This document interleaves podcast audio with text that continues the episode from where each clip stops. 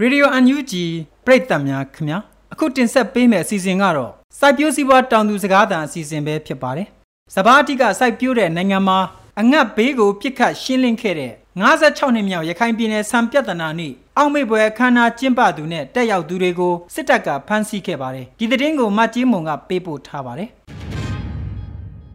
ရခိုင်ပြည်နယ်မှာကြာရောက်ခဲ့တဲ့အငတ်ဘေးကိုပြစ်ခတ်ရှင်းလင်းခဲ့တဲ့စံပြဿနာနေ့အခမ်းအနားကိုဩဂုတ်လ23ရက်နေ့ရောက်တိုင်းကျင်းပခဲ့ကြပြီးအခုနှစ်မှာလည်းအစဉ်လာမပြတ်ဆက်လက်ကျင်းပခဲ့တာဖြစ်ပါတယ်အခမ်းအနားကိုတက်ရောက်လာတဲ့ရခိုင်ပြည်နယ်အမျိုးသမီးများကွန်ရက်ဥက္ကဋ္ဌဒေါ်ညိုအေးနဲ့ကျောင်းသားသမဂ္ဂအဖွဲ့ဝင်ချုပ်ကိုစစ်တပ်ကနိုင်ငံတော်စူပူအောင်လှုပ်ဆော်မှုဖြစ်ဆွဆွဲပြီးတဲ့နောက်ပုံမှန်905ခါခွေးဖြစ်အမှုဖွေပြီးစစ်တွေထောင်ကိုပို့ဆောင်ခဲ့ပါတယ် ဒီအခြေအနေကိုရခိုင်လူခွင့်ရေးကာကွယ်မြင့်တင်သူများအဖွဲ့ရဲ့ဒရိုက်တာတဦးဖြစ်သူကအခုလိုပြောပါတယ်ခန္ဓာကျင်းပါတဲ့ရည်ချက်ကတော့1960ခုနှစ်ဆံပြဒနာဖြစ်တဲ့ခါကျတော့ရခိုင်မှာနေပြီးတော့ဒီနေဝင်းအစိုးရလက်ထက်မှာနေပြီးတော့အဲ့ဒီရှားပါလို့နေပြီးတော့ပြည်သူတွေကအဲ့ဒီတုန်းကဆိုလို့ရှိရင်အစိုးရကနေပြီးတော့ပေးတယ်အစိုးရကနေပြီးတော့ဥမာရက်ကွက်တယ်မှာနေပြီးတော့ အဲ့ဒီဆန်တပူးတစ်စလဲအဲ့လိုပုံစံမျိုးဟိုခွဲတဲ့နဲ့ပေးတယ်အဲ့မှာဟိုတပူးပေးရလို့ဘူးဘူးတစ်ခွဲပဲပေးတယ်အဲ့လိုပုံစံနဲ့ဆိုတော့ငငယ်မမှုတွေဖြစ်လာတဲ့ခါကျတော့ပြည်သူတွေကအဲ့ဒါတွေကိုမခံပြန်တဲ့ဖြစ်ပြီးဆန္ဒပြတယ်ဆန္ဒပြတဲ့အခါမှာအဲ့မှာသူတို့အဲ့ဒီပြစ်ခတ်တဲ့အနေထားတွေဖြစ်တယ်အဲ့လိုလူပေါင်း200လောက်တည်ဆုံးသွားတယ်အဲ့ဒီဟာကိုအမက်တရားအနေနဲ့နှစ်တိုက်နှစ်တိုက်နှစ်စဉ်နှစ်တိုက်အဲ့လို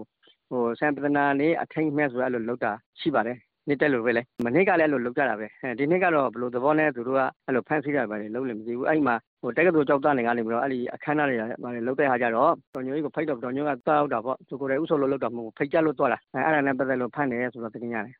56နှစ်မြောက်ရခိုင်ပြည်နယ်စံပြဿနာနေ့အခမ်းအနားကိုစစ်တွေမြို့ရှိကျောင်းသားသမဂ္ဂရုံးမှာအကျဉ်းရုံးကျင်းပခဲ့တာဖြစ်ပြီးလက်ရှိအချိန်မှာတော့ကျောင်းသားသမဂ္ဂအဖွဲ့ဝင်တွေလည်းထွက်ပြေးတိမ်းရှောင်နေရတယ်လို့သိရပါတယ်။ ကျောင်းသားသမဂ္ဂတဦးကတော့စံပြဿနာနေ့အထိတ်မှပွဲကြောင့်ဒေါ်ညိုအေးကိုဖမ်းဆီးခေါ်ဆောင်သွားပြီးစစ်တွေအကျဉ်းတောင်မှာရှိနေတယ်လို့ထပ်ဆင့်အတည်ပြုပါတယ်တော်လိုင်းရေးကောင်စီရဲ့မှားယွင်းတဲ့လောက်ရကြောင်းဒေသခံတွေတေချေပျက်စီးခဲ့ရတာကရခိုင်ပြည်သူတွေအတွက်အောက်မေ့တတိရစရာနေ့ရက်တရက်ဖြစ်ပြီးဒီလိုပွဲမျိုးကျင်းပတာကိုစစ်ကောင်စီကတားဆီးပိတ်ပင်ထောင်ချတာဟာလူခွင့်ရေးကိုချိုးပေါက်တာဖြစ်တယ်လို့ရခိုင်လူခွင့်ရေးကာကွယ်မြင့်တင်သူများအဖွဲ့ရဲ့ဒရိုက်တာကအခုလိုဖြည့်ဆွတ်ပြောပါတယ်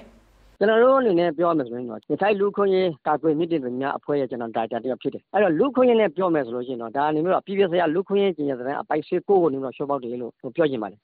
ပြည်ပြစရာလူခွင့်ရေးကျင်ရတဲ့အပိုက်စစ်ကိုမှာမြင့်တင်မှုဆိုလွယ်လွယ်စော်နေပြီးတော့ဟောပြောခွင့်စီရင်ခွင့်ရှိတယ်နောက်ပြီးတော့မီဒီယာနဲ့လည်းတခါလေးဟိုထိုက်တိုက်ပြီးတော့အဲ့လိုတွဲဆုံဆွေးနွေးပြီးတော့လုပ်ပိုင်ခွင့်ရှိတယ်ဆိုတော့ပါတယ်တော့အဲ့ဒီဟာကိုသူကလာပြီးတော့ဒီလိုလုပ်တဲ့ဟာကိုလာဖမ်းတယ်ဆိုလို့ရှိရင်တော့ပြည်ပြစရာလူခွင့်ရေးကျင်ရတဲ့အပိုက်စစ်ကိုကိုရှော့ပေါက်တယ်လို့ပြောချင်တယ်1968ခုနှစ်ဩဂုတ်လ23ရက်နေ့မှာရခိုင်ပြည်နယ်ကထွက်ရှိတဲ့ဆန်ကိုတော်လိုင်းရေးကောင်စီကပြည်ပတင်ပို့ဖို့အတင်းကျပ်စုဆောင်းခဲ့ပြီးတဲ့နောက်အငတ်ပေးကြရောက်ခဲ့တာဖြစ်ပါတယ်။ဒါကြောင့်ဒေသခံတွေကစစ်တွေမြို့မှာပြည်ပတင်ပို့ဖို့တူလောင်ထားတဲ့ဆန်တွေကိုထုတ်ပေးဖို့တောင်းဆိုဆန္ဒပြတာကိုစစ်တပ်ကပြစ်ခတ်နှိမ်နင်းခဲ့တဲ့အတွက်လူ300နီးပါးသေဆုံးခဲ့ရပြီးလူ100လောက်ထိခိုက်ဒဏ်ရာရရှိခဲ့ပါတယ်။တော်လိုင်းရေးကောင်စီလက်ထက်မှာစဘာဆိုင်ဧက12တန်းရှိပြီးစံတန်ချိန်6တန်းကျော်ထွက်ရှိပြီး တန်ချိန်6သိန်းကျော်ပြပတင်ပို့ခဲ့တာဖြစ်ပါတယ်။အခုတင်ဆက်ပေးခဲ့တဲ့မြေပြင်သတင်းအကြောင်းအရာတွေကိုရေဒီယို UNG သတင်းတောက်မကြီးမုံကပေးပို့ထားတာဖြစ်ပါတယ်ခင်ဗျာ။